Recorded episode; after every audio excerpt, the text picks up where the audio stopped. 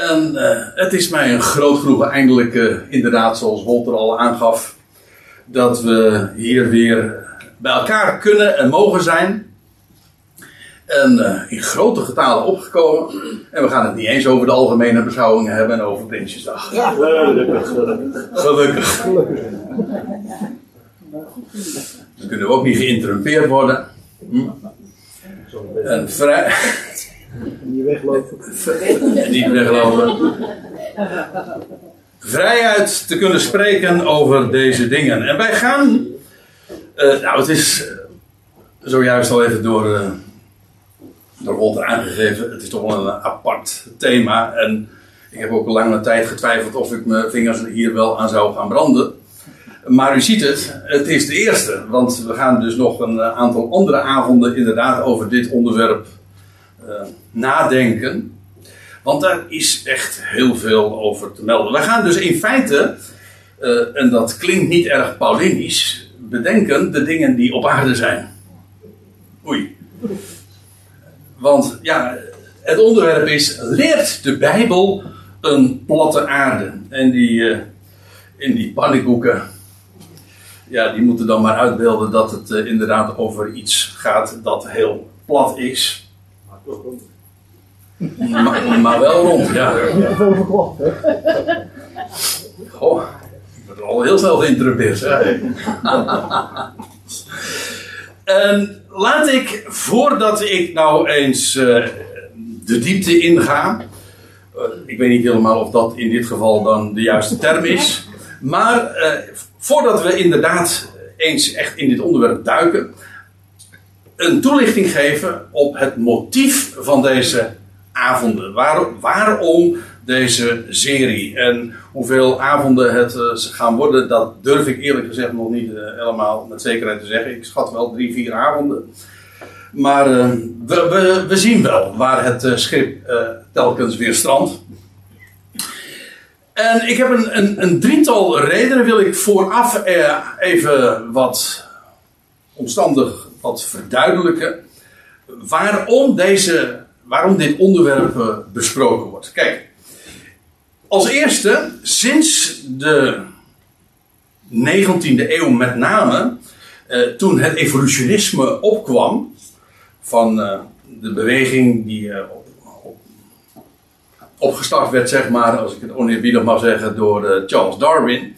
Sinds die tijd met name is er eigenlijk in de mainstream wereld, gewoon dat wat uh, algemeen gezegd wordt, uh, wordt er beweerd over de Bijbel dat, uh, dat zij een platte aarde leert. En dat is, daarvoor was dat eigenlijk helemaal niet zo'n vanzelfsprekendheid. Ik kom daar nog over te spreken. Maar om in ieder geval even te verduidelijken wat, wat ik bedoel met, uh, met die platte aarde en dat de Bijbel dat zou leren. Ik heb eventjes op uh, Wikipedia gekeken en dit is van een Engelse pagina. Ik heb het even uh, gemakkelijk vertaald. En daar stond dit over, over de flat earth. De Israëlieten, ik citeer dus hè. De Israëlieten stelden zich ook voor dat de aarde een schijf was. Een soort pannenkoek zeg maar die op het water dreef met een gewelfd uitspansel erboven, dat, uh, dat de aarde van de hemel scheidde. En de lucht was een stevige koepel met daarin dan de zon, de maan, de planeten en de sterren. En hier wordt dan nog uh, gezegd van de Israëlieten stelden zich dat ook voor, maar met het idee ook van dat is uh, wat de Bijbel daarover naar voren brengt. En dat is in het algemeen wat er ook inderdaad uh, gezegd wordt over wat de Bijbel zou leren. Bijvoorbeeld als je het hebt over het Bijbelse wereldbeeld. Zeg ja, de Bijbel is verouderd. Is, uh, heeft een archaïsch, zoals dat netjes heet, een archaïsch wereldbeeld dat wij weten inmiddels zoveel beter. En de uh, in de Bijbel is, is de aarde nog een platte schijf en dat is ongeveer wel het toppunt van, van onbenul als je dat van mening bent. Maar hoe komt dat dan ook dat men dat uh, zo zegt? Wel, dat is mede ook ingegeven door wat theologen daarover zeggen. En ik, nou, ik ben daar vele, ik heb daar vele voorbeelden van getroffen. Uh, dat wil zeggen vanuit de theologische wereld dat, uh, dat de bewering dan gedaan wordt van ja, de Bijbel leert dat de aarde plat is, maar wij weten zoveel beter. En, maar nu heb ik eventjes een, een, een, bron die lijkt onverdacht. Nou ja, dat hangt er vanaf hoe je tegenover de man staat. Maar in elk geval een, eh, een eh, in Nederland eh, zeer bekende theoloog, professor Dr. Willem-Jan Ouweneel. En ik heb het, hij heeft heel veel geschreven, maar toevallig heb ik nu een citaat dat ik niet uit een van zijn boeken heb. Ik, ik denk dat ik wel een meter Ouweneel heb thuis. Zeg je dat zo? een meter aan boeken bedoel ik dus. Hè? Ja, ik heb heel veel van, uh, van de beste man gelezen. Hij heeft ook veel over, over het wereldbeeld en dergelijke gesproken. Maar ik heb een jaar of tien terug, ik heb daar destijds op mijn website ook aandacht uh, voor gevraagd. Uh, heeft hij een, lezing gehouden over, over deze materie, over het Bijbels wereldbeeld, over evolutionisme. En daar doet hij een aantal uitspraken die later in deze serie ook nog uh, wel weer terug zullen komen. Maar ik vond het zo mooi samenvattend eigenlijk ook aangegeven, dat ik, zodat ik daar nu ook eventjes uh, aandacht voor vraag. Uh, ik heb het even uitgeschreven en hij zei dit toen. Dat is een jaar of tien, elf geleden tijdens een lezing eh, ergens in, in ons landje. En, dit, ehm, en dan zegt hij dit, en ik midden in zijn verhaal. En dit is ook precies de voorstelling die men in bijbelse tijden had en die algemeen bestond tot ver in de middeleeuwen. Eigenlijk pas in de 16e eeuw is daar een einde aan gekomen. De aarde als een grote, platte schijf. Er waren enkele ouderen die vermoeden dat de aarde rond was. En dat was eh, in de 16e eeuw natuurlijk ook al zo. Maar toch, de aarde als een grote schijf met daarboven een halve bol. En dat is dan het firmament. Nou, over dat laatste gaan we nog een aparte avond, misschien wel avonden nog houden. Over dat firmament en over het uitspansel. Maar uh, wat hij hier dus ook zegt van, ja, de, de voorstelling van de aarde is een grote platte schijf. En hij maakt dan ook duidelijk van dat dat, of hij maakt duidelijk, of hij beweert, dat dat feitelijk ook de gedachte is die in Genesis 1 al tot ons zou komen. Overigens moet ik erbij zeggen dat hij zegt van, uh, eigenlijk, als hij hier beweert, uh, eigenlijk pas in de 16e eeuw is daar een einde aangekomen. Nou, dat is niet helemaal waar hoor. Want het was al in de. Was, uh, nou, hij, hij, hij, hij nuanceerde het ook met van er waren enkele ouderen die vermoeden dat de aarde rond was. dat was rond in de zin van een bal. Een bol. En dat was trouwens al, uh, al enkele eeuwen voor onze jaartelling. Pythagoras, u kent hem nog wel van uw lessen wiskunde. Dat was eigenlijk de eerste die dat echt officieel zo naar voren bracht. En dat ook zo berekende. Later Plato en Aristoteles zijn ook in zijn voetsporen gegaan. En die, oh, ook zij zeiden al, de aarde is een bol. En ehm, ik weet wel, bekend is het verhaal, tenminste ik ken het eigenlijk al tientallen jaren. En wat nu blijkt is, uh, tenminste mij is nu gebleken, tamelijk recentelijk, dat het uh, uit de duim gezogen is. Het verhaal over Columbus, die, nou ja, u weet, hij ging vanuit, vanuit het Iberisch Schiereiland westwaarts. En men was bang dat hij van de aarde, ja, van de aarde af zou vallen want ja, dat zou dan het idee zijn van een, een grote schijf. En, en dan, uh, dan vaar je de ene kant op en op een gegeven ogenblik dan kom je bij de einde der aarde. Ik ga er, eh, zoals gezegd, uh, uitgebreid ook nog op in. Maar mensen hadden de angst dat hij, dat hij dan van de aarde af zou vallen als hij nou maar gewoon voortdurend inderdaad westwaarts zou gaan. En maar is nu gebleken, en dat is algemeen, daar hier is consensus over, dat verhaal is gewoon uit de duim gezogen, dat klopt niet. Want ook toen ging men er algemeen al van uit dat de aarde een bol was. En alleen men had er een wat kleinere voorstelling van, dat we zeggen, Columbus zou, dacht zelf in Azië terecht te komen. En toen, dat was zijn eerste gedachte ook toen hij aan wal daar kwam. Maar dat was geen Azië. Het was een heel eh, eh, nieuw werelddeel, althans een werelddeel dat hij of nauwelijks hij niet kende en nauwelijks gekend werd. Amerika dus, hè? de ontdekking van Amerika. En ja, men was bang van ja, als hij nou helemaal naar Azië toe moet, dat, dat, gaat, dat gaat hem niet lukken. Dus dan zal hij uiteindelijk omkomen van de honger. Dus het was een, eh, een heel gewaagde reis, daar niet van. Maar het idee was niet dat men angstig was dat hij van de aarde af zou vallen. Om het even netjes te zeggen. Maar goed, eh, ook hier is het dus in dit geval Ouweneel. En uh, niemand zal hem toch uh, zal betwisten dat hij een Bijbelkenner is. Hij zegt van ja, uh, in Genesis 1 al en in de Bijbelse tijden en in de Bijbel wordt het idee gepromoot, of in ieder geval naar voren gebracht, dat de aarde een platte schijf is. En dat is in de wereld ook aangenomen. En dat is, heeft dus voeding gegeven aan de gedachte van, zie je wel, de Bijbel die is uh, verouderd. Met natuurlijk daarbij de gedachte van, we weten allemaal dat dat niet zo is. Oké.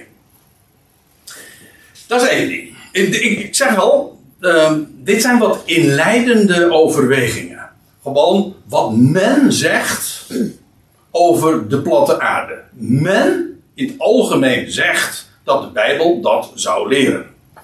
En ook theologen gaan daarin mee, tot zelfs ook mensen die te boek staan als bijbelgetrouwe theologen, zoals bijvoorbeeld Ouweneel. Oké, dat is overweging 1. Daar is een tweede reden, en misschien is dat wel de allerbelangrijkste reden, waarom ik dit nu ter sprake breng. Gewoon, uh, en eigenlijk al veel eerder daar eens een keertje over zou had willen spreken. Maar goed, uh, soms uh, doe je het verstandig aan om iets even te laten liggen, alvorens daar inderdaad je bevindingen over, over door te geven. Overigens, ik heb in het verleden wel, wel vaker over dit onderwerp gesproken, maar dat is inmiddels al een hele tijd terug. En uh, ik denk inmiddels, maar dat is aan u de beoordeling natuurlijk, dat ik toch weer wat wijzer geworden ben daarover. Um, maar dit is wel een heel opvallend ding. Kijk, uh, met name de laatste decennia, en sinds internet is het eigenlijk geëxplodeerd, moet ik zeggen. Uh, dit onderwerp van de platte aarde, dat is, staat hevig in de belangstelling. Met name in de Engelstalige wereld. Ik weet niet of u wel eens een keer een, een poging hebt gedaan, of gewoon ingetypt hebt op Google, Flat Earth. Daar schiet je wat meer mee op dan met platte aarde, want ja, het Nederlands taalgebied is maar klein natuurlijk. Maar de Flat Earth, dus de platte aarde, dan kom je een gigantische hoeveelheid aan artikelen, aan boeken, maar met name video's en YouTube-filmpjes tegen. Allemaal over dit onderwerp. En dan, waarbij dit ook daadwerkelijk naar voren gebracht, gepromoot wordt. En ik moet zeggen, het heeft mij uh, eigenlijk vanaf de aanvang enorm geïntrigeerd. En eigenlijk is het een, een aftakking, deze stroming, de de Flat Earth Movement, de platte aarde beweging, die met name dus zoals gezegd in de Engelstalige wereld, maar niet alleen daar, want ook hier, ik ken, uh, ik ken heel wat mensen uh, die er al of niet openlijk erg voor geporteerd zijn, zodat, ja, dan krijg je de vragen over, het komt ter sprake, en hoe zit dat nou eigenlijk? Uh, ik zei al, het is eigenlijk een, het is een aftakking van de, van de, de creationistische beweging. Hè? Kijk, de creationistische beweging, uh, die trouwens ook vooral in de Engelstalige wereld is ontstaan, uh, dat is een beweging die een reactie is op het evolutionisme en alle claims die deze beweging vanaf Darwin heeft gezegd van, namelijk het hele idee dat de mens uiteindelijk afstamt. En trouwens alle leven afstamt vanuit een gemeenschappelijke oerzel. En dan laat ik nog maar eventjes helemaal uh, buiten beschouwing hoe de aarde dan ontstaan is. En, en het, het melkwegstelsel en de, de, de leeftijden daarvan. Want dan moet je toch echt denken in de, volgens, deze, volgens deze stroming of volgens deze wetenschappelijke consensus die daarover is. Uh, miljarden jaren. Maar de gedachte dat alles uiteindelijk te, te, te herleiden is tot een, eh, een, tot een eh, waarin cellen eh, ontstaan zijn. Eh, wel, die stroming, die is krachtig tegengesproken. Vanuit Bijbels perspectief, maar ook eh, met vele wetenschappelijke, of zo u wilt, quasi-wetenschappelijke eh, argumenten. Maar in ieder geval, eh, dat is het creationisme. En trouwens, de naam die zojuist al even voorbij kwam, eh, Willem die is daar eh, destijds in de jaren 70 van, eh, ik kan het me nog heel levendig herinneren, hoe dat, hoe dat hier in Nederland ook vaste gro- grond kreeg, vaste voet in, de aarde kreeg, die beweging van het creationisme. En ik, weet, ik, ben, ik ben er zelf nou, bij betrokken geweest in die zin dat ik daar hevig in geïnteresseerd was. Ik was een van de eerste abonnees van het blad Bijbel en Wetenschap. Donateur van de Stichting Evangelische Hogeschool. Allemaal eh, die eigenlijk ook vooral zich wilden opstellen tegenover de, ja, het evolutionisme en de dwalingen. Want ja, het heeft zo enorm veel consequenties als je denkt dat wij mensen eigenlijk gewoon dieren zijn, veredelde apen, om het even oneerbiedig te zeggen.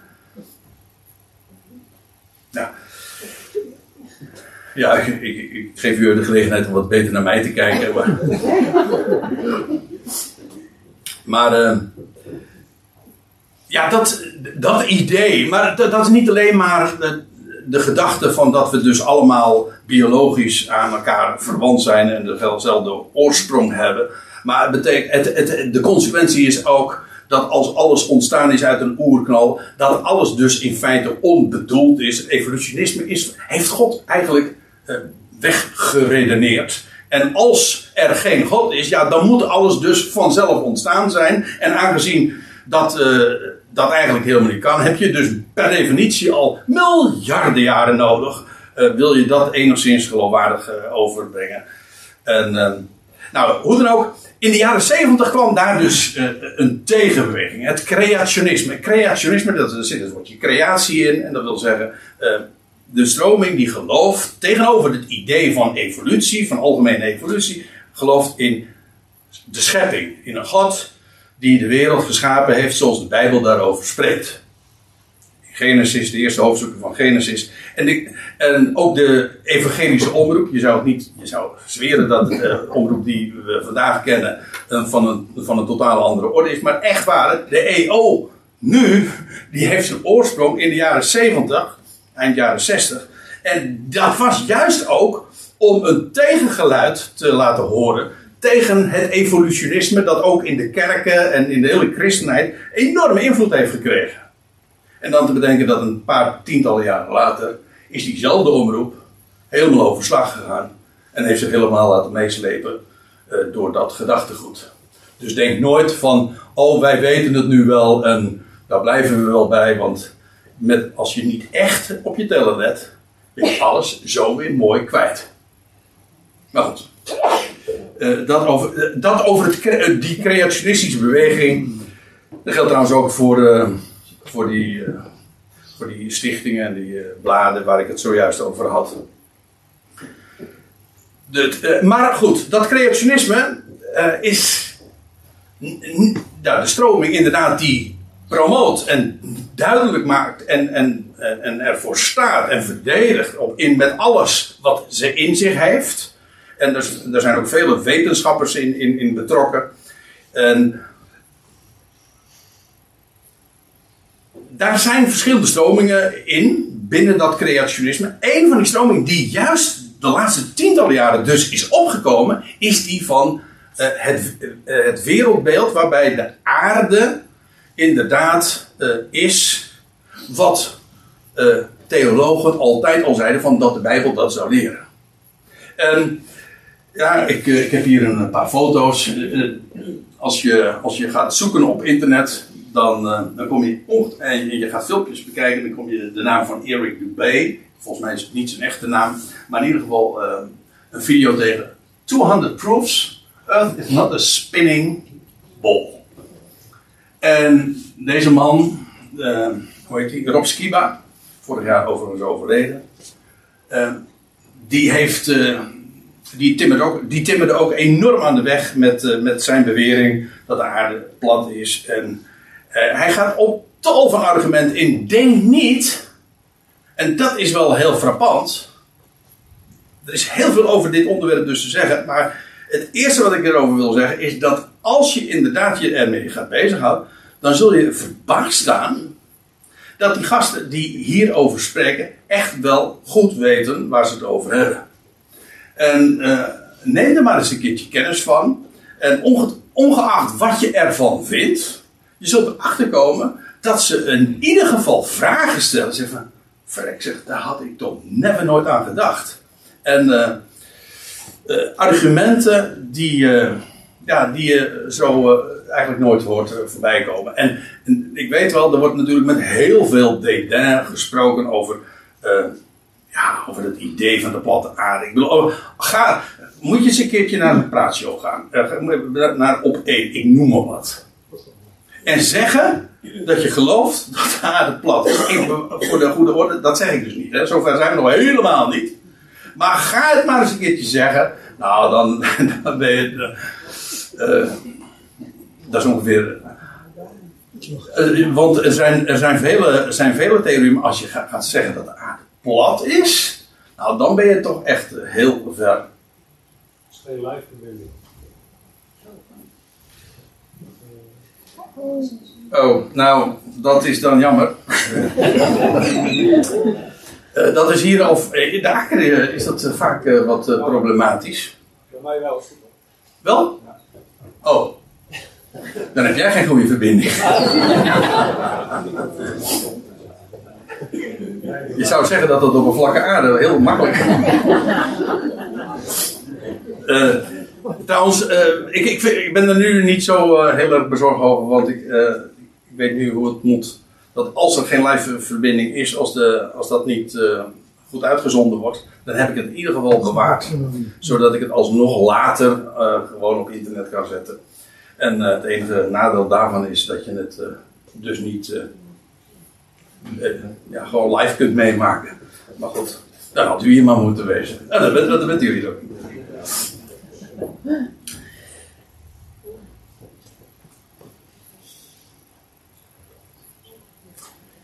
Oké. Ehm, wat ik, de, wat ik, volgens mij was het laatste wat ik hierover zei, over, die, eh, over de, de promotors van, van, die, van die platte aarde. Ze, stellen vragen eh, en, en ze, eh, ze brengen dingen naar voren waarvan normaal gesproken, of waarvan verreweg de meeste mensen totaal geen idee hebben. Alleen daarom vind ik het al de moeite waard om het onderwerp gewoon te bespreken. En, en je niet te laten weerhouden door het, ja, door het idee van, ja, dat is toch, dat, eh, daar mag je niet over spreken. Want op het moment dat mensen dat tegen me zeggen, dan, eh, dan wil ik het juist, ja. Ja, heel sterk. ja. Nee, maar dat, dat, dat meen ik in het algemeen. Dus ik ben al eh, in mijn leven zo vaak gewaarschuwd tegen, voor allerlei dingen. Van, daar moet je niet mee bezighouden hoor. En er is niets wat mij zou trekken als dat. Want dan denk ik van, waarom die angst? Waarom die angst? Want als het onzin is, dan komt het toch vanzelf wel aan het, aan het licht. Als je daar eerlijk onderzoek naar doet. Dus ik begrijp dat nooit. Dus eh, ik, ik vind zo'n angst, al, die angst voor eh, een bepaalde gedachte, al voor mij is het onzin. Maar waarom zou je bang zijn? De waarheid, die eh, mag je onderzoeken. Trouwens, die zou je onderzoeken. En, en laat je dan nooit hinderen door wat men zegt, of dat de meerderheid beweert dat het onzin is. Zo wat. Zoek onderzoek zelf. Denk, denk gewoon goed na. En dat zeg ik trouwens ook, dat is ook eventjes eh, een belangrijk ding, wat ik heel vaak in mijn Bijbelstudies naar voren ben. En zeker ook weer bij zo'n onderwerp. Ik herinner mij dat ik eh, vijf jaar geleden, eh, was dat alweer? Vijf, zes jaar geleden, een eh, hele serie natuurlijk gegeven heb over de Bijbelse chronologie. Nou, toen bracht ik dingen naar voren die ook volstrekt niet gangbaar waren. Dus ik heb toen gezegd van, check het. Zelf. Ik, ik, ik vertel in vrijheid dat wat ik gevonden heb en wat onderzocht heb. Ik geef voor zover ik daartoe in staat ben, de bonnetjes. En het is aan de luisteraar of de kijker of, om dat te, te onderzoeken, om dat zelf te checken. En dus nooit iets aan te nemen omdat ik dat zeg, of iets te verwerpen omdat een ander dat zegt. In feite is dat heel onvolwassen. Denk zelf na. En goed. Ja, kijk. Een paar overwegingen in verband met, uh, met dat tweede punt. Van namelijk dat, dat er de laatste tientallen jaren heel veel aandacht is gekomen voor dit onderwerp. En ik weet niet in welke bubbel u zit. Want ja, dat is uh, overal verschillend natuurlijk. Uh, maar het, het, is mij opgevallen dat inderdaad voor dit onderwerp heel veel aandacht is gekomen. En er komen nu net twee dames binnen. Die heel goed weten waar, wat ik nu zojuist heb gezegd. Goedenavond. Ja. Jullie, zij zijn mede de schuldigen dat ik het over deze serie over de, deze avonden over dit onderwerp ga hebben. Dankjewel overigens. Maar uh, als je het niet erg vindt, ik ben alvast maar begonnen. Als de. Kijk, uh, het idee dan is wat men zegt van kijk. Die, deze, deze vertakking, deze, deze stroming binnen de creationistische beweging, die eigenlijk extreem creationistisch is, zou je kunnen zeggen. Dat wil zeggen, ze, zijn, ze pleiten niet alleen maar voor een letterlijke lezing van Genesis 1, maar die zeggen ook van ja, dat moeten we ook doorvoeren, die letterlijke lezing, als het gaat over het wereldbeeld. Oké, als de Bijbel inderdaad een platte aarde leert, en dat is wat men zegt, ja, dan moet dat dus zo zijn. In feite is dat een beetje, dat moet ik er wel bij zeggen, het is een reactionaire uh, gedachte. Dat wil zeggen, men zegt dat omdat omdat je zo geframed bent. Dus, uh, kijk, als mensen zeggen van ja, jij bent een fundamental, jij gelooft alles wat de Bijbel zegt. En dan zeg je ja, dat geloof ik. Nou, dan moet jij ook dat geloven. Dat de aarde uh, een platte schijf is. En dan ben je dus eigenlijk al in een bepaalde positie gemanoeuvreerd op voorhand. Dus uh, ja, dat maakt ook ehm, dat, is, dat geeft ook een bepaalde logica aan, aan deze beweging. Er, er is nog iets, en dat is dat uh, die platte aarde, dat hele idee, dat, uh, dat vindt heel eenvoudige bevestiging, allerlei alledaagse observaties. Voor de goede orde, dit, zijn, dit noem ik niet omdat ik daarmee dus naar voren breng van het zal wel zo zijn. Ik zeg alleen waarom dit aanspreekt op voorhand. Gewoon, dat is heel simpel. En dat is dat, uh, ja, als je om je heen kijkt, gewoon, je bent de naïeve, alledaagse observator van, van verschijnselen. En dan had ik dus helemaal de ruimtevaart en alles wat daarmee verband houdt. En, de, en, uh, en alle afbeeldingen, video's die we daarvan hebben, even buiten beschouwen. Maar gewoon als aardse waarnemer. Gewoon hier, die op, met de beide benen op de aarde staat dan zie je een aantal uh, ja, dingen. Ja, je ziet een horizon. Je ziet dat, dingen, dat water waterpas is. Hoe zeg je dat? Dat water, dat vloeistof, uh, waterpas loopt. Hè, dus gewoon recht. Ja, dat, dat, dat, die gedachte op zich pleit ervoor dat dat dus alles gewoon plat is, nietwaar? En je, ja, wij maken in onze beleving, zeggen we van, ja, de aarde staat stil. En we zien ook inderdaad de hemel uh, zo om ons heen bewegen. Hè. Zet een camera neer en uh, een hele langzame sluiterstijd. En je ziet gewoon dat al die sterren gewoon een, een cirkelbeweging maken. En ik bedoel, dat zijn de observaties die je gewoon kunt doen. Los van telescopen, los van raketten, los van uh, wat uh, moderne wetenschappelijke beweringen allemaal zijn. Oké, dus dit, dit sluit aan bij gewone alledaagse observaties. En daar komt nog een element bij, en dat is tegenwoordig natuurlijk uh, helemaal een, een hot item. Ik hoef alleen maar het woordje complot te zeggen, en u weet waar ik het over heb. En namelijk, er is ook een wantrouwen ten opzichte van gevestigde autoriteiten. Ten opzichte van wat men zegt. En vooral ook, dat, dat, dat, is al zo als we het hebben over uh, wat de wetenschap zegt over de oorsprong van de mens. Of van het leven in het algemeen. ja, men zegt daar bepaalde dingen over, maar het moet ook duidelijk zijn dat de Bijbel daar anders over spreekt. En op het moment dat je je gaat realiseren van ja, dat zegt men wel, maar alles wat men zegt, dat strijdt zo sterk met wat ik geloof vanuit de schriften, met wat er zwart op wit staat geschreven, is dat wel zo. Dus uh, ja, en dan komt daar dus nog een, een overweging bij. Namelijk dat. Uh, ja, dit, dit, is een beetje een tricky ding hoor. En dat is, maar het ligt helemaal in de lijn dus met dat wantrouwen ten opzichte van wat men zegt. Het is. Er komt zoveel informatie op ons af. En dingen zijn zo gemakkelijk tegenwoordig uh, te achterhalen. Ik bedoel, als je wil weten hoe iets zit, dan dan kun je dat onderzoeken, kun je het checken. Ik bedoel, internet, alle, alle informatie, alle bibliotheken, ze staan gewoon direct tot onze beschikking. En tegelijkertijd is het zo verrekte moeilijk om waarheid nu nog van leugen te onderscheiden. Hoe kom je erachter? Hoe weet ik nu dat wat, wat er gezegd wordt via de media, uh, of dat nou de geschreven media zijn, of het zijn de tv, of de radio, of internet. Uh, hoe kom ik er nou achter? Hoe weet ik nu wat waar is en wat niet waar is? Twintig jaar geleden, of fijn, hoe lang is dat inmiddels? Toen kon je het nog eens meemaken van, nee, het is echt zo, want ik heb het echt op internet gelezen. inmiddels zijn we allemaal wel zo wijs geworden dat dat natuurlijk gewoon helemaal nergens slaat.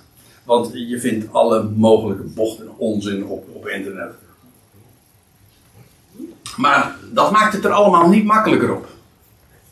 En het sluit trouwens ook heel erg aan, trouwens wat ik nu naar voren breng, op wat we de laatste Bijbelstudieseizoen seizoenen ook hebben overwogen. Namelijk dat dat juist ook karakteristiek is voor deze laatste fase van, de aion, van deze aion. Waarin misleiding en leugen inderdaad dominant is. En waarin het zo ontzettend moeilijk is om waarheid van leugen te onderscheiden. En waarom het zo belangrijk is om wakker te zijn en om inderdaad je ogen open te hebben en te checken en na te gaan.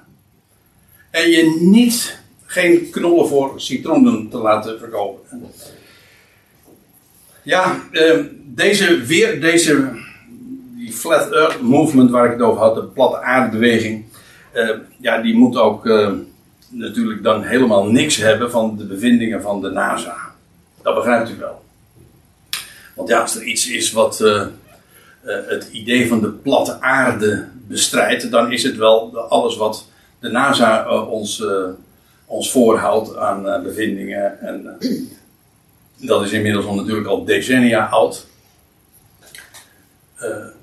Ik bedoel, de eerste maanreis, dat is, alweer, eerste, dat is al meer dan 50 jaar geleden. Dat, of niet alleen de eerste maanreis, maar dat de eerste mens een voet op de, op de maan zette. Maar dat is wat ik nu dus eigenlijk zeg. Dat wordt in deze stroming uh, zwaar ontkend. En ze ja, die NASA die nemen ons gewoon verschrikkelijk bij de neus. Dat is heel massaal, hè? Ja. Uh, maar dat is heel aardig, want NASA, dat is, dat, dat is een toetje. Dat is zomaar eventjes uh, wat het idee is, wat men daar ook over zegt. En ik geef toe, dit is heel erg complotachtig. Maar dan zegt men, kijk, ja, NASA, dat, dat is ook een Hebreeuws woord, nasha.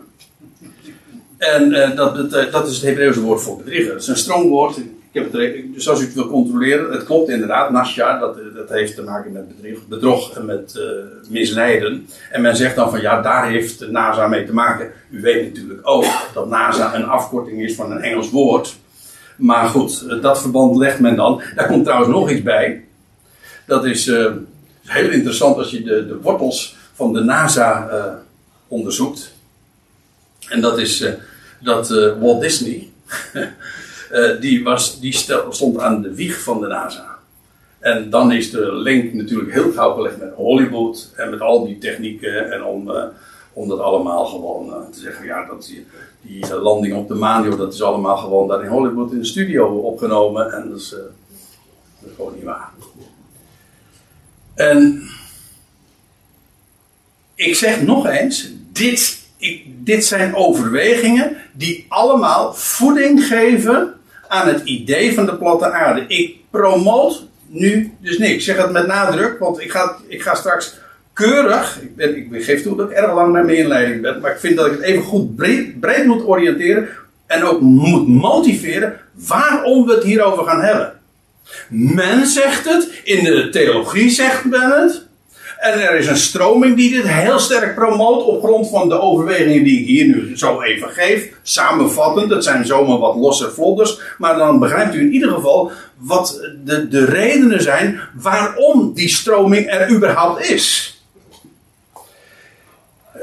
En ja, en dan kom ik eh, bij de, misschien wel de, ja, de allerbelangrijkste reden. En dat is, waarom zouden we het hebben over de vraag van, ja, eh, leert de Bijbel een platte aarde? Nou, de positieve reden is om te ontdekken of er een Bijbels wereldbeeld is. Maar laat ik, daar, laat ik dat meteen maar skippen. Want eh, daar ga ik op voorhand min of meer van uit. Maar ik ga het straks echt ook een aanzet daartoe geven. Maar zo ja, uh, hoe ziet die wereld er dan uit? Wat is dat Bijbelse wereldbeeld?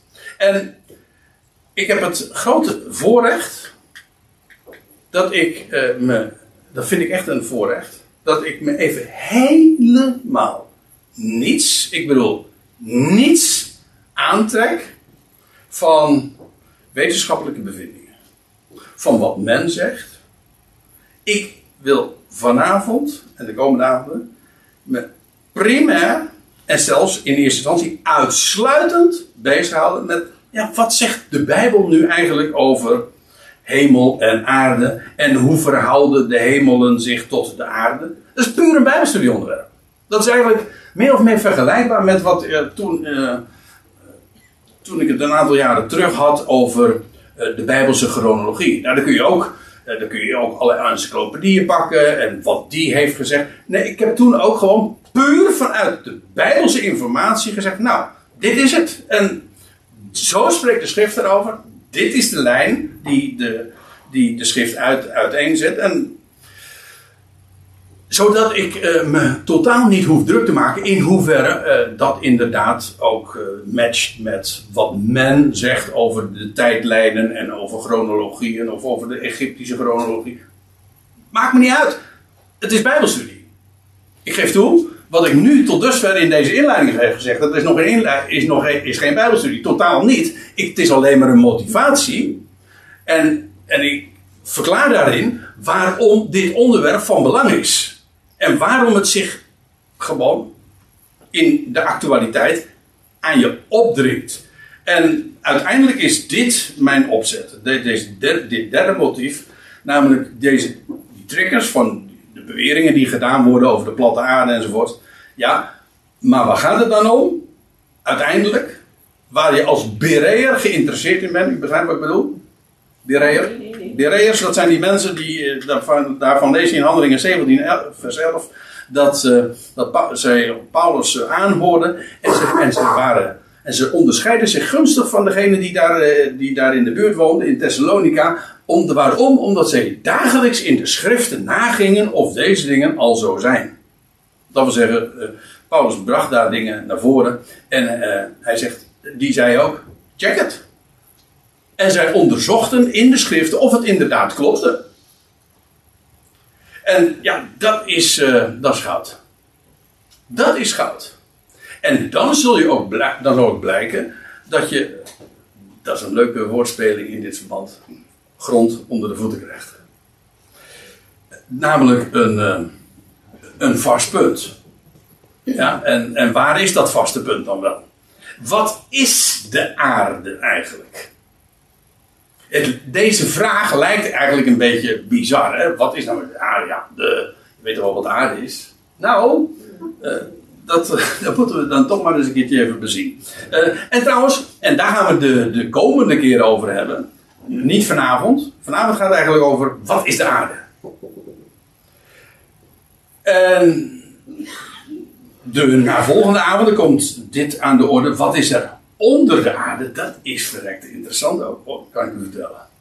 Trouwens, dit hele onderwerp is buitengewoon boeiend. Ja.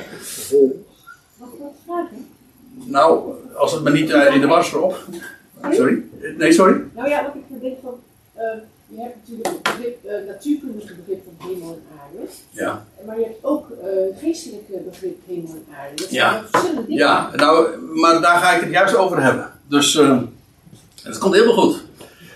En trouwens, ik ga het dus hebben over de vraag: wat zegt de schrift over wat is de aarde? En ik ga dus ook hierin, dat moet, dat moet duidelijk zijn inmiddels, lijkt me. eh, ik ga dus, als ik deze vragen ga beantwoorden, niet na hoe, eh, hoe dat op internet besproken wordt, of hoe eh, dat in de encyclopedie, of dat nou de christelijke of weet ik veel welke encyclopedie is. Nee, wat zegt de schrift? En dan bedoel ik ook niet eens een Bijbelvertaling, maar gaan we terug naar de oorspronkelijke talen, naar de, naar de schrift, het origineel, de grondtekst. Wat zegt de Bijbel over deze dingen? En ook dus, wat is er onder de aarde? En wat zijn de hemelen? Want ja, dat is meervoud, hè? Zegt hemelen. Ja, we kennen het misschien als, als, eh, als werkwoord. Dan zeggen we dat van die is gaan hemelen. Maar zo bedoel ik het niet. Hemel als meervoud van. Hemelen als meervoud van hemel, ja. Want er zijn er in ieder geval twee. En nog een hemel der hemelen zelfs. Een derde hemel. Die, die komt ook uit de Bijbel. Eh, trouwens, daar gaan we het afzonderlijk een avond over hebben.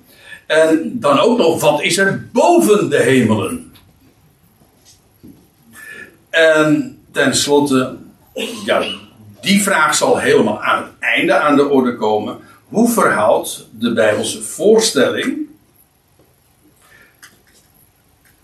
zich tot de gangbare kennis hierover? Hoe, hoe, hoe matcht dat? Of het niet? En, maar eh, hoe, hoe verhouden die, die twee zich dan tot elkaar? Nou, dat is de allerlaatste vraag. Maar het gaat dus inderdaad. Dit zijn pure Bijbelstudievragen. En dit was de inleiding. En eh, ik ga me nu eerst dus bezighouden vanavond met deze vraag. Wat is de aarde? Nou, en dan kom je in het eerste hoofdstuk van de Bijbel, die ons daarover meteen licht verschaft. Want eh, Genesis 1, de, waarin de dagen beschreven worden, waarin God zijn scheppingswoorden uitsprak. Dat is trouwens een onderwerp apart. God heeft zijn scheppingswoorden twee keer uitgesproken, wist u dat? Ooit bij de schepping zelf, daar was niemand bij. En later heeft hij die scheppingswoorden weer uitgesproken toen hij het aan de mens, ik denk Adam, bekend heeft gemaakt. En dan in zes dagen. Goed.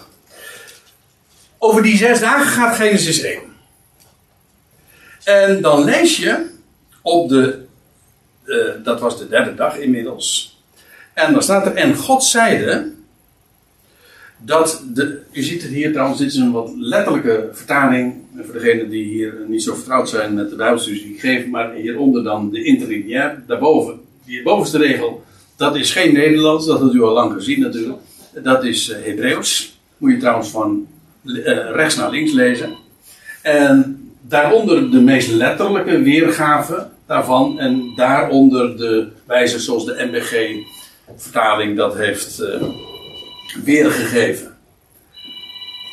Goed. En God zeide, staat er dan, dat de wateren van onder de hemel in één plaats samenvloeien. Je moet zich voorstellen, de hele wereld was uh, voorheen nog uh, één grote watervlakte. En dan staat er, en God zeide dat de wateren van onder de hemel in één plaats samenvloeien en dat het droge verschijnen. En het was al zo. En dan komt het, en dit is echt een sleutelvers, omdat we hier een goddelijke definitie aantreffen. Ik zeg daarmee niks te veel, denk ik. Een goddelijke definitie aantreffen van wat God zelf, of in het algemeen de schriften, verstaan onder de aarde. Want er staat er, eh, dus nadat de, het droge tevoorschijn komt uit de wateren, op de derde dag trouwens, die is wel heel erg boeiend, typologisch. De wateren als, in het algemeen als een beeld van de dood, de doodswateren. En dan komt er uit de doodswateren land tevoorschijn. Trouwens, op die dag verschijnt er ook voor het eerst leven. Op de derde dag. Pasen. In Genesis 1, ja, eigenlijk wel. Maar goed. En God noemde het droge, of dat droge, wat tevoorschijn was gekomen, aarde. En de samenvloeiing van wateren noemde hij zee. En God zag dat het goed was. Dat klinkt als een refrein. En in, in, dit, uh, in dit Genesis 1. Maar dit is. Uh, dit is echt uh, zo belangwekkend om te zien. Om te verstaan wat de Bijbel verstaat onder de aarde. Wat is de aarde? Wij zeggen, het is een planeet, of het is gewoon de hele wereld. Nee, als God zegt aarde, in het Hebreeuws staat hier arets, of dat betekent land, maar als uh, de Bijbel het heeft over uh, de aarde, arets, dan gaat het over het droge. Ter onderscheiding van de zeeën.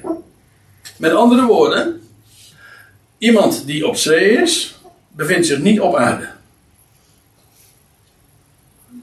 Dat is van belang. Gewoon volgens de definitie die God hier zelf geeft, namelijk wat hij noemt, zeg, dan staat hier, en God noemde het droge aarde. En ik geef hier al even aan, dat woord aarde, dat is hetzelfde woord als land. Dat moet ik even toelichten. Want dit is een fenomeen dat je in heel de Bijbel uh, iedere keer weer ziet. En in beide talen waarin de Bijbel aan ons is overgeleverd, namelijk het Hebreeuws, het Oude Testament, wat wij het Oude Testament noemen, en het Grieks, wat we het Nieuwe Testament dan noemen. In beide talen is het woord voor aarde identiek aan het woord voor land. En dat zal ik toelichten. Kijk, in het Hebreeuws is het woord voor aarde, ik zei het al, arets. En het bepaalde lidwoord is dan ha. Dat wil zeggen, ha arets betekent het land of de aarde. En dat maakt het trouwens voor de vertalers niet altijd eh, even makkelijk. Want maar, maar voor, voor, de, voor ons als Bijbellezers is dit buitengewoon belangrijk om te weten dat de aarde identiek is aan het land. Kijk, uh, dit woord uh, arets of harets komt maar liefst 2500 keer voor, ruim zelfs, uh, in de Hebreeuwse Bijbel. Dus wat wij dan de Tanakh, of de, wat wij het Oude Testament noemen, wat de Joden de Tanakh noemen, ruim 2500 keer. Dus het is een heel veel voorkomend begrip. En het wordt vertaald met, en ik beperk me nu even voor het gemak tot de NBG-vertaling, die, de vertaling die ik zelf uh, heel dikwijls uh, gebruik. Uh, het wordt vooral vertaald met het land. In Genesis 1 met de aarde. Maar over het, in, de, in het meeste gevallen wordt het vertaald met het land. Bijvoorbeeld, het land Israël is Haaretz. Voor degenen die een klein beetje Ivriet kennen, die weten ook dat uh, Haaretz, dat is ook de naam van een dagblad in Israël, Haaretz, betekent het land. En als, uh, in de Bijbel komt het woord ook zeer dikwijls voor en dan wordt het in onze Bijbel vertaald met, uh, wordt Haaretz weergegeven met het land. En dan gaat het over het land, namelijk dat stukje land Israël.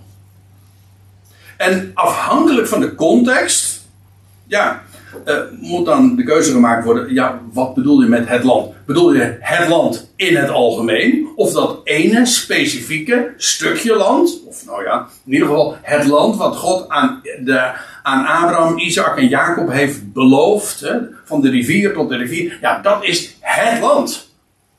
Namelijk, hoezo het land? Nou, het beloofde land dat God eh, aan zijn volk heeft, eh, heeft toegezegd. En dan heet het het land. Maar eh, het wordt ook vertaald met de grond, wat, je ook, wat ook vrij logisch is. Dat is allemaal niet eh, erg, eh, zoals dat heet, concordant. Kijk, als je concordant vertaalt, moet je, moet je doen. En concordant wil zeggen eh, eensluidend vertalen. Dan weet, dat is het gemak voor de Bijbellezer dan is dat je weet van, ah, dat woord eh, wordt hier gebruikt. Dat betekent dat het, eh, dat dat één op één zich verhoudt tot het oorspronkelijke woord in de grondtekst. Maar dat is in onze Bijbels, zelfs in de Statenvertaling, die eh, relatief concordant is, maar is dat absoluut niet het geval. Want wat ik hier nu zeg over de MBG's, dat is vrijwel eh, ook van toepassing eh, voor de Statenvertaling. Het wordt vertaald dus met de grond, of het veld, of het aardrijk, of de landstreek. In dat geval heb je het dus ook over het land, ja, namelijk een bepaalde streek. Bijvoorbeeld, eh, ehm, ik, meen dat het in Genesis 19 ook gebruikt wordt over die, die vlakte van eh, waar Lot zich gevestigd had, van Sodom en Gomorra. Dan heet dat de, het, eh, het land, Haaretz. Maar dan gaat het over welk land dan wel? Wel over het land waar het in dat verband over gesproken wordt. Dus ja, het land. Ja, wie, wat wordt daarmee bedoeld? Dat hangt af in de context. Als ik zeg, als ik zeg het meisje, eh, welk meisje? Ja, dat hangt ervan af eh, in, in, welke, in welke samenhang je dat gebruikt. Eh, het wordt ook vertaald met de streek. Maar goed, in, in al deze gevallen begrijp je heel goed waarom het, in, vooral in deze alternatieve weergave, waarom het inderdaad altijd gaat over, de, over het droge. Namelijk dat, oké, dat kun je dan in onze taal weergeven met grond, met een streek of met, eh, of met het aardrijk of het veld. Maar allemaal is dat een stuk land, of voor mijn part al het land, maar in ieder geval ter onderscheiding van het water, van de zeeën, van de wateren. Dat is Haaretz. En ehm, dat, wat ik nu zeg over eh, het Hebreeuws, dat is eh, vrijwel identiek eh, ook te vertellen over het Griekse woord, en dat is gay. Nee, niet op zijn Engels dan, dan want dat is weer wat anders. Eh, gay, maar dat is het, eh, het, het, ons woord geo heeft daar ook mee te maken, aarde of land. En dat komt ook heel veel keren voor, tien keer minder trouwens, in de Griekse Bijbel, 250 keer. En dat wordt eh, dan ook weer vertaald met aarde, maar ook heel vaak met het land. En soms eh, dan, dan weten de vertalers niet goed wat ze ermee aan moeten. En ik herinner me dat ik in de se- serie toen over het boek Openbaringen er ook wel vaker op gewezen heb. Bijvoorbeeld eh, als daar in Openbaring 13 gesproken wordt over dat beest dat uit de zee komt. En het beest uit de. Ja, dat is een lastige, hè? Uit de aarde. Of, maar als ik meen dat stevensvraag is, uit het land. Ja, want de zee staat tegenover het land. En dan gaat het ook inderdaad over het beest dat komt uit het land Israël. En, eh, nog een voorbeeld. Er staat ehm, in Matthäus 24, en het wordt ook eh, aangehaald in Openbaring 1, dat hij eh, zal komen en, eh, en, en, en, en elk oog zal hem zien en alle stammen der aarde zullen over hem weeklagen. Als een andere vertaling zegt, staat er, en alle stammen van het land zullen over hem weeklagen. Wat, als u mij vraagt, een wat logischere gedachte is. In die zin dat eh, je spreekt over de volkeren der aarde, hè, van, de, van het land in het algemeen. En over de stammen in het land. Maar dit, deze weergave, dit is een kwestie van ja, eh, het probleem voor de vertalers. eh, En, en dat heeft te maken met ons Nederlands idioom. Wij, in bepaalde gevallen kun je moeilijk weergeven het land. En in andere gevallen is het weer lastig om te spreken over de aarde. Dus, maar dat is ons probleem. Het gaat er maar om, en dat is mijn punt nu. Dat het Bijbelse woord voor aarde identiek is aan het woord voor land. Dat moet je weten. Dus als je in de Bijbel het woordje aarde tegenkomt, kun je dat gewoon eh, ook weergeven met land. Het is het, en wat moeten we daaronder verstaan? Het droge. Of het droge in het algemeen, of een specifiek stuk droge, eh, een stuk land, eh, afhankelijk van de context. Dus dat is de gedachte. En dat moet, dat moet je gewoon weten. Dat is, ja, ABC bij, bij Bijbelstudie. Net zoals dat eh, ABC voor Bijbelstudie is. eh, dat is ook niet voor iedereen wellicht die hier nu zit bekend. Maar eh, minstens zo belangrijk dat als je in de Bijbel het woordje eeuwigheid tegenkomt. Dan is dat gewoon exact hetzelfde woordje als wanneer je het woordje eeuw tegenkomt. Het is namelijk het Griekse woord aion. Dus eeuwigheid is eeuw. Gewoon, er is geen verschil. Dat moet je weten. Als je dat niet weet, nou dan kom je echt in grote problemen bij het verstaan van de Bijbel. En dan druk ik me nog heel zachtjes uit. Maar dit is ook voor het wereldbeeld dat wij willen hebben. We willen een, dat is toch de opzet. We willen een Bijbels wereldbeeld. Hoe, hoe, ziet, hoe kijkt God tegen de dingen aan? Wat verstaat Hij onder de aarde? Nou, dat is bij deze voor de pauze vastgesteld. Dat is het land.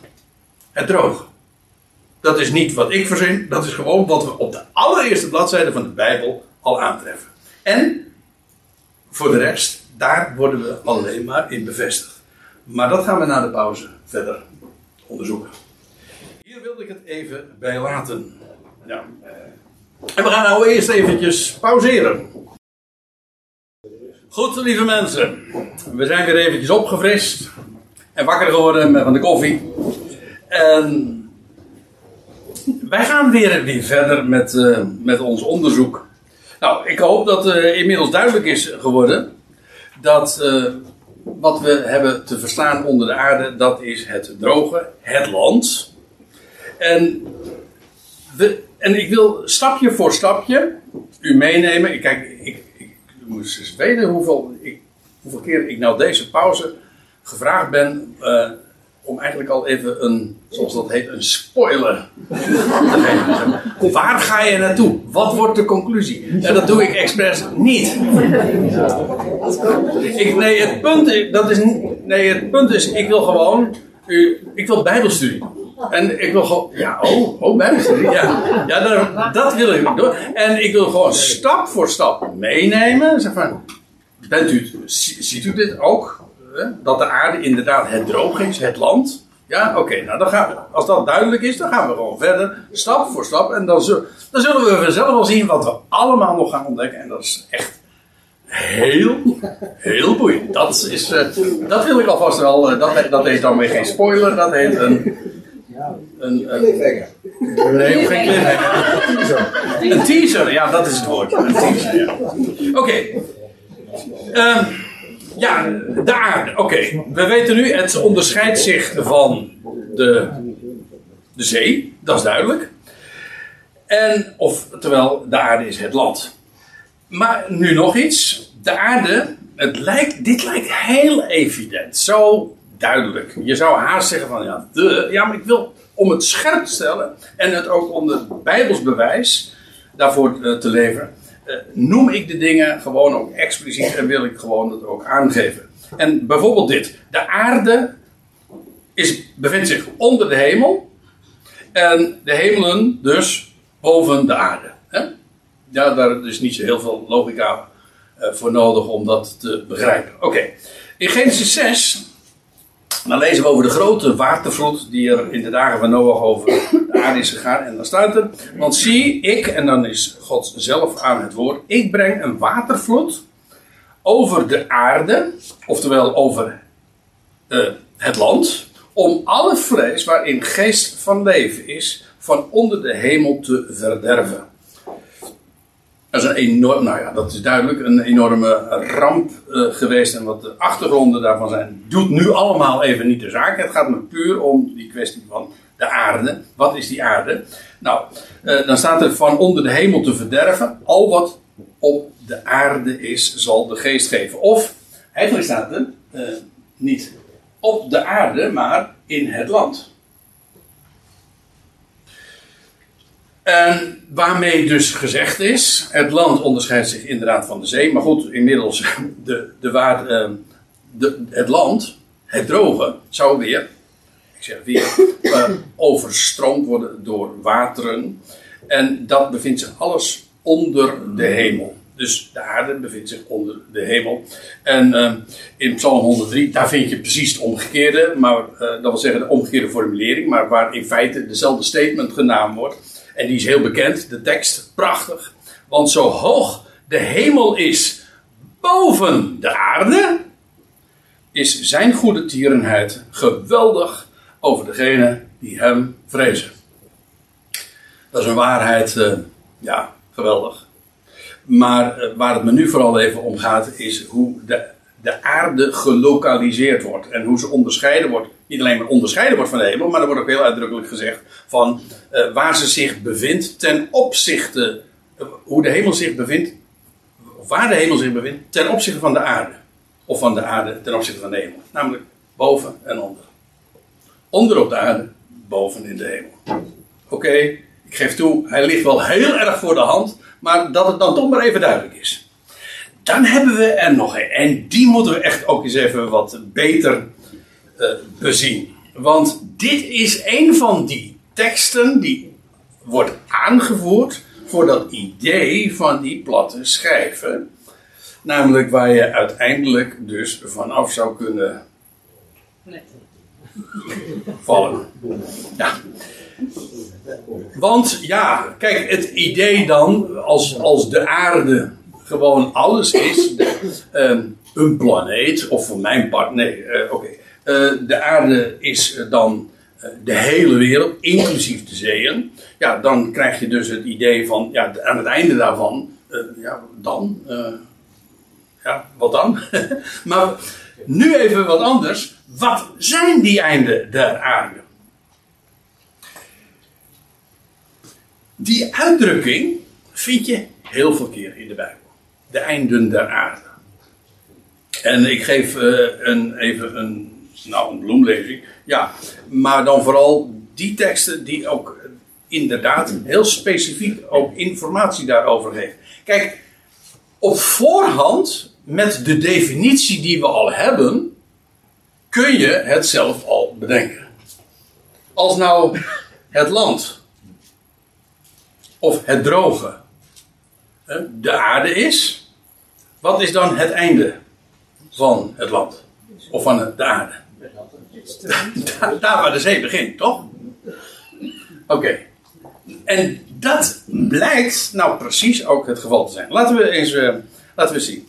Eh, Deuteronomium 28. Daar staat in een lang hoofdstuk, vers 64. En Yahweh zal u, en dan gaat het over het volk Israël. Moet nagaan, Israël moest nog het land binnengaan. En dan wordt al door Mozes voorzegd hoe het zou gaan. Dat ze verstrooid zouden worden onder alle volkeren. Overigens, eh, voor een tijd. Want daarna zou hij hen ook weer terugbrengen. Voltallig in het land. Maar oké. En Yahweh zal u verstrooien, staat er dan onder alle volkeren. Van het ene einde der aarde. ehm, tot aan het andere einde. Nou, ehm, als de aarde. eh, inderdaad, dat is wat we zojuist al zagen. Namelijk hoe God dat gedefinieerd of benoemd had. Ja, dan is het einde van de aarde dus daar eh, waar het land ophoudt. Toch? Oftewel, waar de zee begint. Dat is een andere manier van zeggen. Eh, oftewel, het is de kuststrook. Het strand. Ja, eh, afhankelijk van de vraag hoe breed je dat neemt. Hè? Wat, wat de kuststrook is. Ik woon aan het einde van de aarde. In Katwijk aan zee. Ja, dan woon je toch echt aan het einde der aarde. En trouwens, er zijn ook, er zijn ook eh, landen eh, in. ehm, er zijn diverse plekken eh, langs de, de kust die ook zo heten. Dat geldt trouwens ook voor in, in, het, in, in Engeland, Land's End. En dat is gewoon aan het, de kust.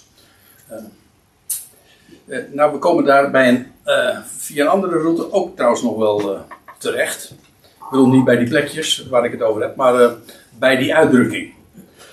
de einde der aarde. Ja. De kuststrooktours. Uh, en dan Psalm 22.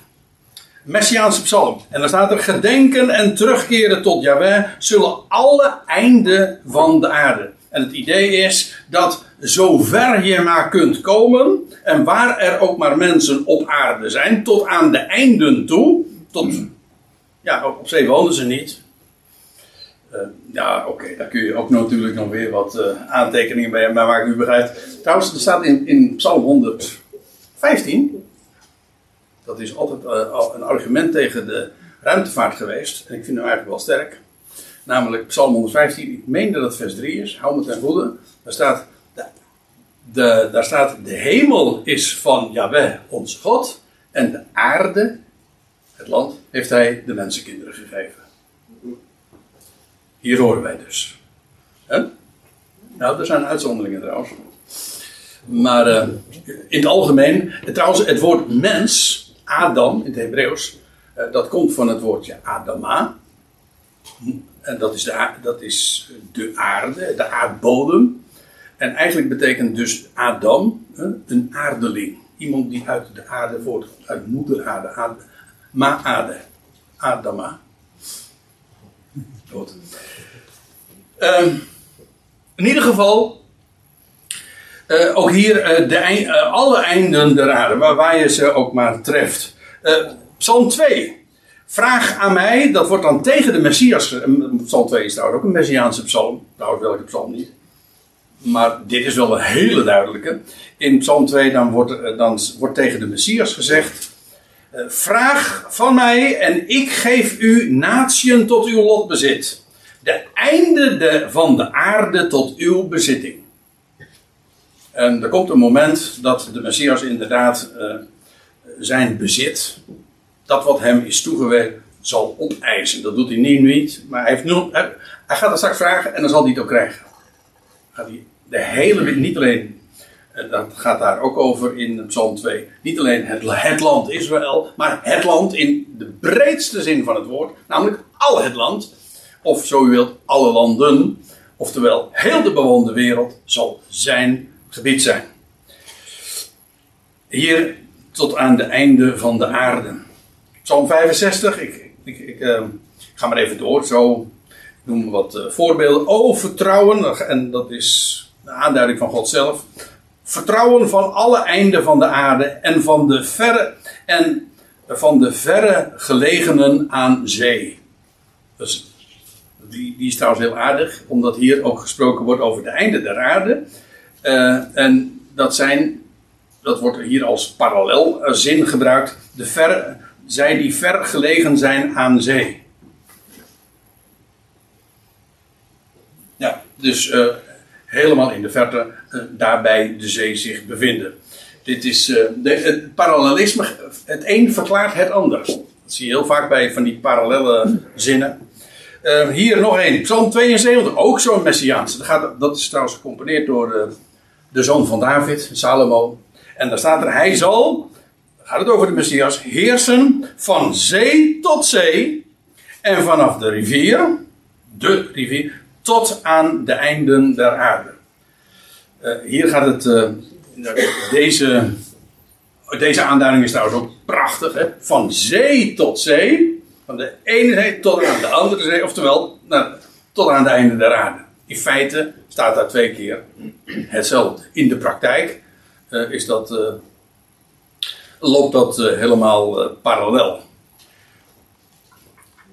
Mm, Jezaja 40. Weet, oh die is mooi. In Jezaja 40 waar de heerlijkheid en de glorie van de grote schepper wordt bezongen. En dan staat er, weet u het niet? Hoort u het niet? Een Ionische God. Sommigen uh, uh, die, uh, die, kennen dat niet. Maar Ionisch, dat wil zeggen. het heeft te maken met de God van de eeuwen. Van de wereldtijdperken. Dat betekent niet dat hij geen begin en einde heeft. Dat is wel zo. Maar de, de Ionische God wil zeggen de God van de Ionen. Wel, die God, wie is dat? Dat is Yahweh.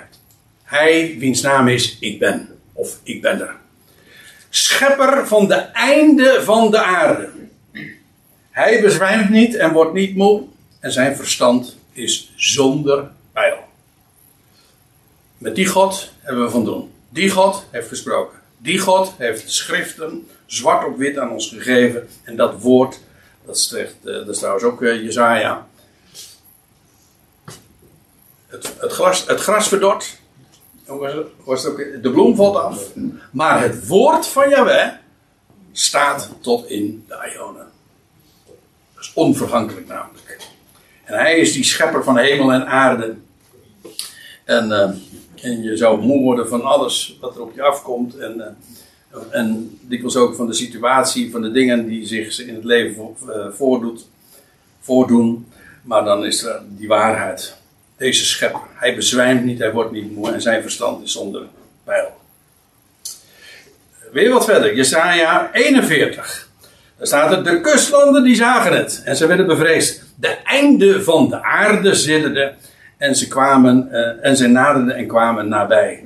Waarom ik het hier ook eventjes uh, zo heb weergegeven, is vanwege uh, ook hier weer die dat parallelisme. De kustlanden en de einde van de aarde. Wat is de einde van de aarde? Of nou, dat is daar waar de aarde eindigt. Oftewel waar de zee begint. Oftewel de kustland of de kuststrook.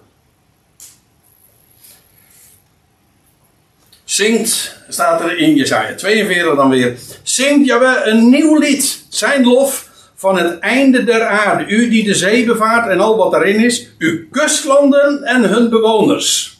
Ook hier weer die einde der aarde en de kustlanden die genoemd worden. Trouwens, de Statenvertaling zegt bij kustlanden consequent, uh, weet ik niet, maar in ieder geval heel dikwijls eilanden.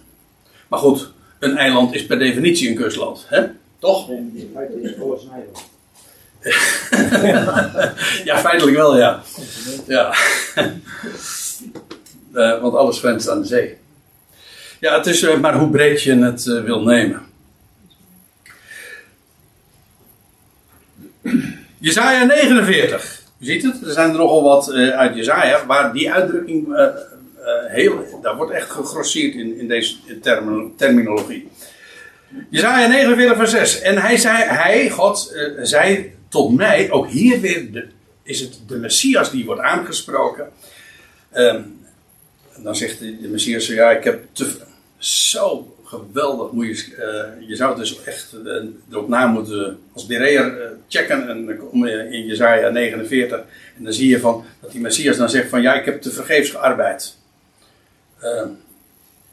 Ik, want ik, ik, vond geen gehoor bij mijn volk. En dan, en dan eens de reactie van God. En hij zei tot mij: Het is te gering dat u mij tot een dienaar zou zijn om de stammen van Jacob op te richten. En de bewaarder van Israël te doen terugkeren. Dat doet hij wel. Maar dan staat hier: Als het dan nu niet gaat. Als je nu geen gehoor vindt bij het volk, bij de stammen van Jacob en bij de bewaarder van Israël. Wel, ik stel u tot een licht voor de natieën, opdat mijn redding zal zijn tot aan de einden van de aarde. En dat is dus weer tot aan de kustlanden aan toe. En weet u dat deze tekst wordt aangehaald door Paulus als hij dan geen gehoor vindt bij de Joden in, uh, bij zijn Joodse gehoor in de synagoge van Antiochië, dan zegt hij van hij heeft tot mij gezegd: Ik stel u tot een licht voor de natie. Juist vanwege de af. Hun struikeling, dat is tot redding van de natie. Dus uh, dat wat God vandaag doet, je vindt dat al verborgen in Jezaja 49. U zegt, ja, maar het is toch een verborgenheid in de Bijbel? En dan zeg ik, ja, juist omdat het een verborgenheid is, vind je het daar. Het is er namelijk verborgen. En, en Paulus ontdekt dat en laat het zien. Oké, okay. nog één. Uh, Zacharia 9 gaat het ook weer over de Messias uh, in de nabije toekomst. En hij zal vrede spreken tot de natieën. En zijn heerschappij zal zijn van zee tot zee. Dat is nu nog niet zo. Hij is nu verborgen, hij is nu aan de rechterhand van, van God. En straks zal hij vragen en dan zal hij de natieën krijgen. En dan zal hij inderdaad gaan heersen van zee tot zee. Maar zijn koninkrijk is vandaag verborgen. En dan staat er, zijn heerschappij zal zijn van zee tot zee en vanaf de rivier tot aan de einde, de einden van de aarde. Of de einden van het land. Maar dat weet u inmiddels, dat is hetzelfde. De aarde of het land. Nou, uh, ik denk dat het uh, tijd wordt voor, uh, ook in dat verband, om onze conclusie te trekken. Wat de einden van de aarde zijn. Dat heeft dus niets te maken met een platte schijf waar je vanaf kunt duvelen. Maar het heeft te maken met de definitie die de Bijbel geeft van het land. Namelijk, dat is het droge. En dat heeft een einde, een begrenzing. En dat is de kuststrook. Goed. Nou, dan hebben we nog een term. Ik, ik, ik noem allerlei termen in verband met de aarde die de Bijbel geeft. Deze komt maar één keer voor. Het rond der aarde. Die kennen wij natuurlijk wel. Hij is erg bekend. We spreken trouwens ook over het hemelrond. Maar ook over het rond der aarde. Die komen we in Jezaja 40 tegen.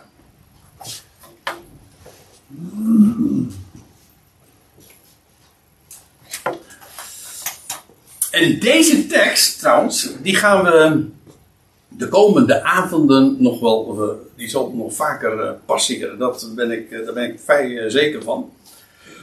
Juist ook in verband met wat er gezegd wordt over de hemelen en over het uitspansel. Maar het gaat mij nu vooral natuurlijk over die onderstreepte en die dikgedrukte woorden. Hij gaat het uiteraard over, over God. Hij die zit, of de en bij geen vertaling zegt hij die troont. Maar goed, weet u dat trouwens, het woordje troon, dat is uh, het, het, woord, etymologisch bekijkt, dus de woordoorsprong, dat heeft te maken met een hoge zetel, een hoge stoel. en dan begrijp je ook meteen waarom uh, deze stoel, dus inderdaad, hij zit boven de cirkel van de aarde, oftewel de cirkel van het land, want dat is hetzelfde. En de inwoners van haar zijn, zijn als kleine trekspinkhanen. Nou, het idee is natuurlijk, is, het is een vergelijking, hè? Als. Zijn het niet, maar zo klein en volstrekt nietig, belachelijk nietig, zou ik haast willen zeggen, is gewoon de, het mensdom. Trouwens, dat, stond, uh, dat staat in hetzelfde jaar, Isaiah 40. Ja, datzelfde is in Isaiah 40, er staat uh, zie, volkeren zijn geacht als een druppel aan de emmer. Als een stofje aan de weegschaal. En hier staat als kleine treksprinkhanen. Hij, die zit daar boven het rond van de aarde. De cirkel. Ja, het land heeft. Deze term is niet moeilijk. Want uh, ja, de cirkel. Je, je kijkt over de aarde. En wat zie je? Dit is gewoon, dit is gewoon de taal van de observatie. Wat zie je? Je ziet een cirkel. En, en, je, en, je, je kijkt zo. En je, en je volgt de lijn. En uiteindelijk kom je daar weer uit. En dat is. Uh, en dat is, een cirkel, dat is wat een cirkel is. En die ronding, dat noemen wij de horizon, oftewel de gezichtseinder. Die vond ik trouwens ook wel leuk, want het uh, woord voor, uh, voor grens in het Grieks is horos, hor, horizon. En uh, dat is dus de begrenzing, daar waar ons zicht ophoudt. En ook als je verder kijken pakt, dan verandert die waarheid natuurlijk niet. Maar dat is de cirkel van de aarde, de cirkel van het land. En waar is hij, God? Wel, hij is daarboven. Toch? Nou, kan ik me voorstellen dat ze zeggen: ja, maar hoe zit het dan met die mensen daar in Nieuw-Zeeland? Die wijzen dan de andere kant op. Maar dat ga je alvast invullen. Hm? Dat ga je alvast invullen. Nee. Dat nee, nee, dat gaan we niet doen. Dat gaan we ook niet doen. Maar, daarom, maar ik kan me wel voorstellen dat die vraag opkomt. Ik ga me expres ook niet beantwoorden. Maar ik, ik, ik, uh, ik, ik roep de vraag wel even op. Maar goed, Eén ding is duidelijk, als je nu vraagt uh, het land, hè, en de cirkelvorm uh, is vrij evident, want die doet zich aan ons allemaal zo voor. En eh, waar is hij? Wel, hij is daarboven. En hij troont daar ver boven. En de mens is volstrekt nietig.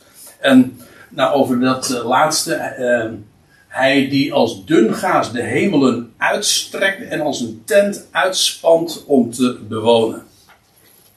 Nou, dan, dan kom je inderdaad uit bij het uitspansel. En bij de hemelen en hoezo uitspannen. En hoezo een tent. eh. dat gaan we parkeren voor nou, de volgende keer of de keer erop, dat weet ik nog niet. Dan hangt er vanaf of we de volgende keer eerst naar beneden gaan of naar boven. Dat weet ik. Ik, eh, ik ben nog in dubio, maar ik heb nog een maand de tijd om daarover na te denken. Ja, jij wil naar boven. Ja, dat begrijp ik. Dat willen we allemaal. Denk erin die boven zijn. Ja, maar we moeten toch nog even naar beneden. En, ehm, oké. Eh, dat wat betreft de cirkel van de aarde, die is trouwens heel lastig voor sommige mensen. Want de, terwijl de Bijbel spreekt over de cirkel van de aarde, spreekt ze ook, meerdere keren trouwens, over de hoeken van de aarde. En wel vier hoeken van de aarde. In eh, openbaring 20, daar staat er, eh, over, dat gaat dan over het einde van de duizend jaren. Dat, is, dat duurt nog eventjes, want die duizend jaren moeten nog beginnen. Eh, Het duurt niet zo lang meer, maar goed, eh, het moet nog steeds beginnen. En aan het einde van die duizend jaren, lees je van, hij, eh, dan wordt Satan die tot die tijd, trouwens, gedurende die duizend jaren in de afgrond is, daar beneden. Dat, want u, jullie zeiden zojuist wel van, nou, we willen naar boven. Maar eh, ik, het is ook wel heel erg boeiend om te weten wat hier beneden is, hieronder. De, afgrond. Eh, daarin, gedurende die duizend jaren, is de Satan, daar wordt hij eh, bewaakt, bewaard. Eh, in elk geval, elke bewegingsvrijheid is hem daar ontnomen. Hij wordt in de, hoe was het ook weer? Hij werd in de afgrond geworpen. Die werd afgesloten. Vervolgens werd hij gebonden. Zo, Het hele idee, er staat ook bij, opdat hij de natie niet zou verleiden. Nou, die mogelijkheid is er dus niet. Maar hij wordt na die duizend jaar losgelaten. Eventjes trouwens. Maar dan staat er, en hij, Satan, zal uitgaan om de natie te verleiden. Waar hij trouwens heel succesvol in zal zijn. Nou ja, we hebben, ik hoef hier niet te veel meer over te zeggen. Want we hebben het hier, nou ja, wat heet... eh, betrekkelijk recentelijk nog eh, over gehad in de serie over de openbaring, nietwaar? Maar om de natie te verleiden die in de vier hoeken van de aarde zijn. Of van het land, hè? dat weten we inmiddels. En wat zijn die vier hoeken? Ik zeg, dat zijn de vier windhoeken. Hoe weet ik dat? Trouwens, het woordje hoek in het eh, Grieks is wel leuk. Dat is gonia. En als u, eh heb u ooit wiskunde gehad? Ik wel. Dat is heel erg lang geleden. Ik weet er eigenlijk niks meer van. Eh, maar ik weet wel dat een, een, een deel van eh, ons wiskundepakket was toen ooit goniometrie.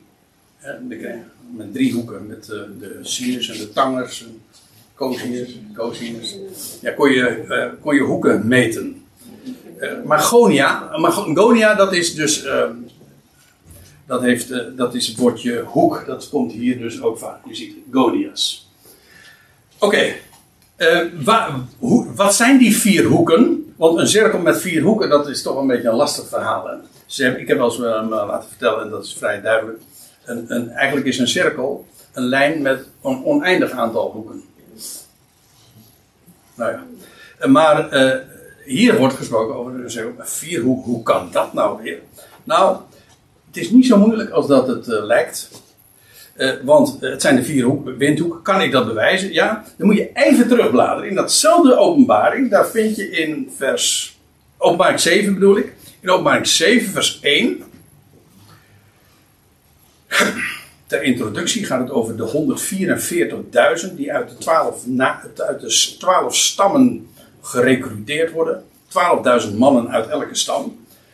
Eh, en dan staat er ter inleiding daarvan: Daarna nam ik vier boodschappers of eh, engelen waar, staande op de vier hoeken van de aarde. En wat doen ze daar? Op die vier hoeken van het land, of van de aarde, of van al het land.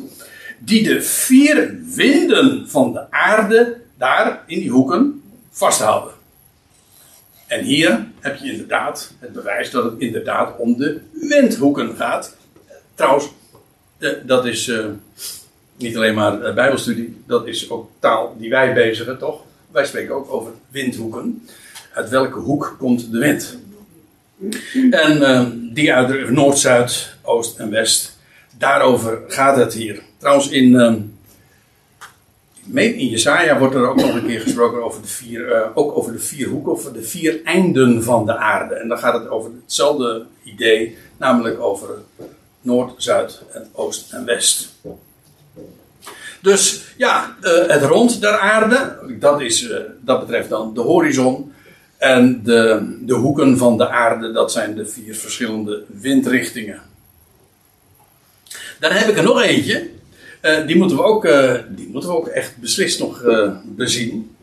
En dat is dat de aarde, of het land, is gegrondvest, gefundeerd. Eh, daar vind je ook heel wat keren eh, aanwijzingen voor, of dat dat eh, vermeld wordt. Job 38, daar begin ik mee. Daar, daar is God degene die zijn vragen stelt aan Job, die het allemaal, en trouwens ook aan zijn vrienden, die het allemaal zo goed wisten. En dan gaat, dan gaat God geen antwoorden geven, maar hij gaat vragen stellen. Eigenlijk alleen maar om Job en zijn vrienden op het zwijgen leggen. Wat weet je? ze? Waar was je toen ik de aarde of het land grondvestte? Vertel het, indien u inzicht hebt. De spot klinkt erin door. Je weet het toch zo goed? Je weet toch, eh, eigenlijk, de, de hele clue van, eh, eh, van Job 38 en het navolgende hoofdstuk is. Voortdurend wordt Job eigenlijk gebombardeerd allemaal vragen. Maar die op stuk voor stuk, al die vragen, moet hij een antwoord schuldig blijven. En eigenlijk de vraag is, ehm, waar het op neerkomt, dat is dat God tegen Job zegt: Weet jij wat ik weet? Kan jij wat ik kan? Het antwoord is nee. Volstrekt niet.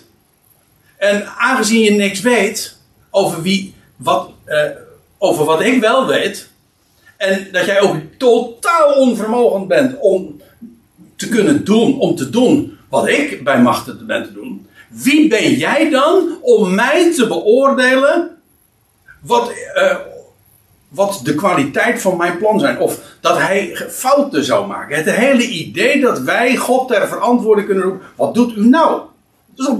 Als je daar goed over nadenkt, en dat is de clue als het mij vraagt van, van zulke hoofdstukken, of, of van Job 38, is. Het is zo vermetel, volstrekt hoogmoedig en arrogant om te denken, je een oordeel aan te meten, te, kunnen, eh, of, of het, het idee te hebben dat je iets zou kunnen zeggen over hoe God het doet. Hij is wie hij is. En hij gaat zijn weg. En hij maakt geen fouten.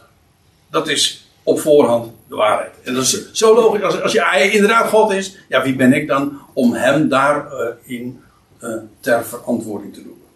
Dus vandaar die vraag. Wie, eh, waar was u toen ik de aarde grondvestte? Of het land fundeerde? Want grondvesten is eh, niks anders dan funderen.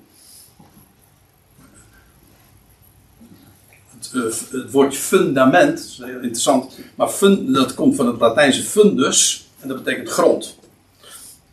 Een fonds, eigenlijk, eh, in het Engels zeg je ook eh, to fund. En dat, is, eh, dat betekent dan financieren, maar dat betekent eigenlijk, het idee is van een bodem voorzien. Ook ons woord fonds. Dus. Het heeft allemaal dezelfde, eh, s- dezelfde stam, dezelfde oorsprong, dat woord. Maar grondvesten, de aarde, het land staat vast. Dat is het idee. En God heeft dat vastgesteld. Eh, u hebt, Psalm 102, u hebt, God, hebt vroeger ooit de aarde gegrondvest of gefundeerd. En de hemel is het werk van uw handen. Spreuken 8. Toen hij de zee haar werk zette, dat wil zeggen, beperkte. Gewoon een grens tot hier en niet, en niet verder. Dat is dus waar het land begint. Als de zee hier eindigt, dan begint daar het land. Of omgekeerd, als het land daar eindigt, dan begint de zee. Nou, toen hij de zee haar perk zette, opdat de wateren zijn bevel niet zouden overtreden. En toen hij de grondvesten van de aarde stelde of bepaalde. Of afbakende, zie ik hier in de. Hij, uh, hij doet dat. En die aarde, die, uh, die staat vast. Dit is trouwens ook een hele elementaire Bijbelse waarheid. Die natuurlijk uh, voorkomen eigenlijk ook weer verkwanseld is. Want we zeggen, de aarde staat helemaal niet vast, man. De aarde staat vast. In de Bijbel staat de aarde gewoon vast. Nou ja, hij kan bij gelegenheid, uh, daar kan wat aan gebeuren en meegebeuren. Daarover straks meer. Maar het algemene idee is, godzijdank, staat de aarde vast. En dat uh, voelt wel heel fijn. Hè, dat je grond onder de voeten hebt. Een vast punt. Nou, waarom? De aarde staat vast. Of het land is vast. Nog één. Um, dat is Jezaja 51. En ik leg, wordt tegen Jezaja gezegd, mijn woorden, van Gods wegen wordt dat tegen hem gezegd, ik leg mijn woorden in uw mond en bedek u onder de schaduw van mijn hand, om de hemelen te planten en om de aarde te grondvesten en om te zeggen tot Sion, u bent mijn volk. Ja, nou, uh, ik zou u een lijstje kunnen geven van nog talloos veel meer voorbeelden waarin sprake is van, van de grondvesten of de fundamenten van de aarde. Maar uh, het lijkt mij uh, genoeg met vier, vijf, zes voorbeelden die ik inmiddels gegeven heb. Maar nog, nu nog iets anders. Want wat ik zojuist zei, dat is waar. Maar aan de andere kant de grondvesten van de aarde kunnen wankelen. Ook die is niet zo moeilijk. Als je eenmaal weet wat de aarde is, namelijk gewoon het land waarop we lopen, en wat die einden zijn van de, van de aarde, uh, dan is dit ook niet zo moeilijk. Um, daar staat er in Job 9: Hij doet uh, aarde ja, eigenlijk staat er aarde zonder bepaald lidwoord. Hij doet aarde of land van haar plaats wankelen, zodat haar zuilen, dat waar ze op gebaseerd is, schudden. Hé, hey, daar hebben wij toch een naam voor? Dat heet een aardbeving, ja. Groningen hè? Groningen Groningen uh, ja, wat ze in Groningen kennen. Juist. Dat is een werkwoord die jij hier ter plekke. Oh, je kende hem al. Ja, maar wij zitten hier in Zuid-Holland. Uh, heel veilig.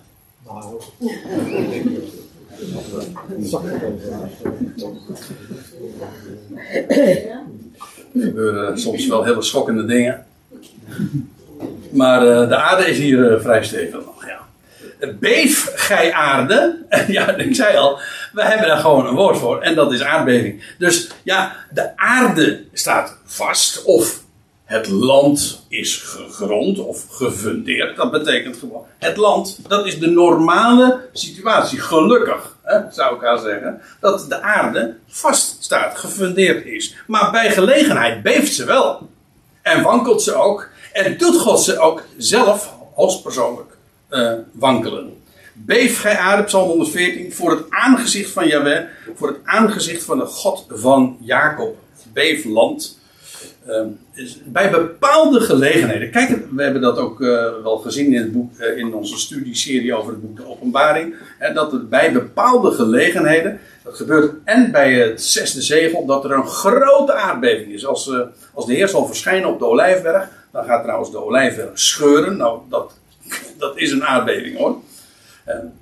Ehm, maar dan lees je ook dat een, hoe staat het, een derde van de stad, geloof ik, valt in, elkaar. En later, bij een latere gelegenheid, bij de zevende bezuin, lees je ook dat er een, de allergrootste aardbeving ooit dan zal plaatsvinden. Dat is vlak voorafgaand aan de duizend jaren.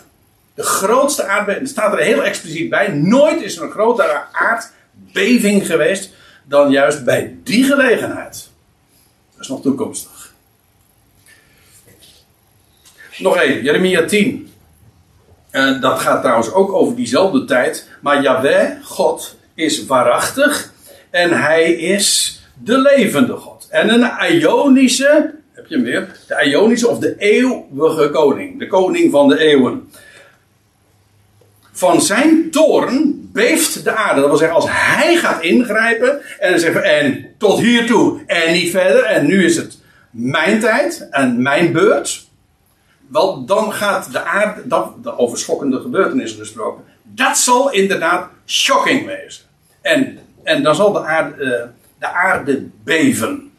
En de naties zullen zijn verontwaardiging niet verdragen. Nou, dat is die tijd, die, die godzijdank uh, niet al te lang zal duren. God, je leest ook, hij verkort het.